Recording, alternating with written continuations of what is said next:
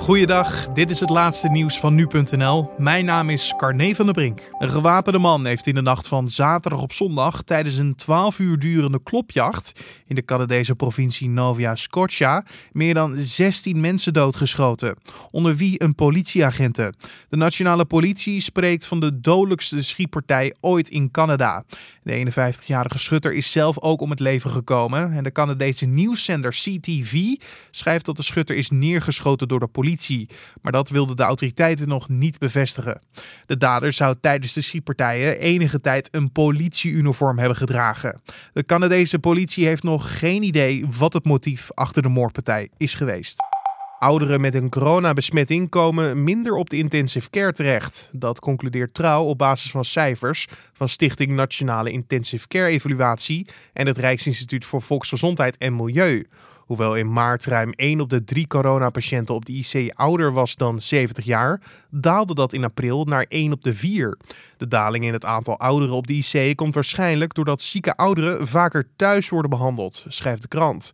Sinds 27 maart hanteren artsen een nieuwe leidraad met betrekking tot ziekenhuisopnames voor ouderen met corona. Zo wordt er samen met de patiënt en familieleden besproken of een eventuele ziekenhuisopname nog zinvol is.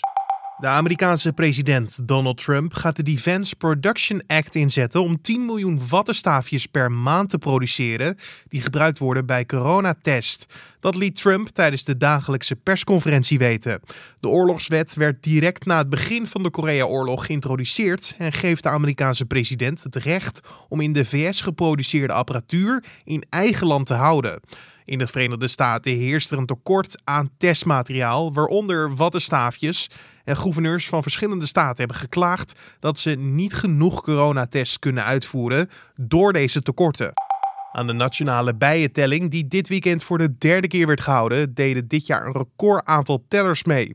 Meer dan 10.000 mensen telden in totaal ruim 135.000 bijen. Dat er dit jaar meer mensen hebben deelgenomen aan de bijentelling kan mede komen door de coronamaatregelen. Mensen hebben nu natuurlijk de tijd en zijn mogelijk ook meer betrokken bij hun tuin dan eerder. Al dus insectenexpert Vincent Kalkman. Net als voorgaande jaren is de honingbij de meest getelde bij, gevolgd door de rosse metselbij. En tot zover de nieuwsupdate van nu.nl.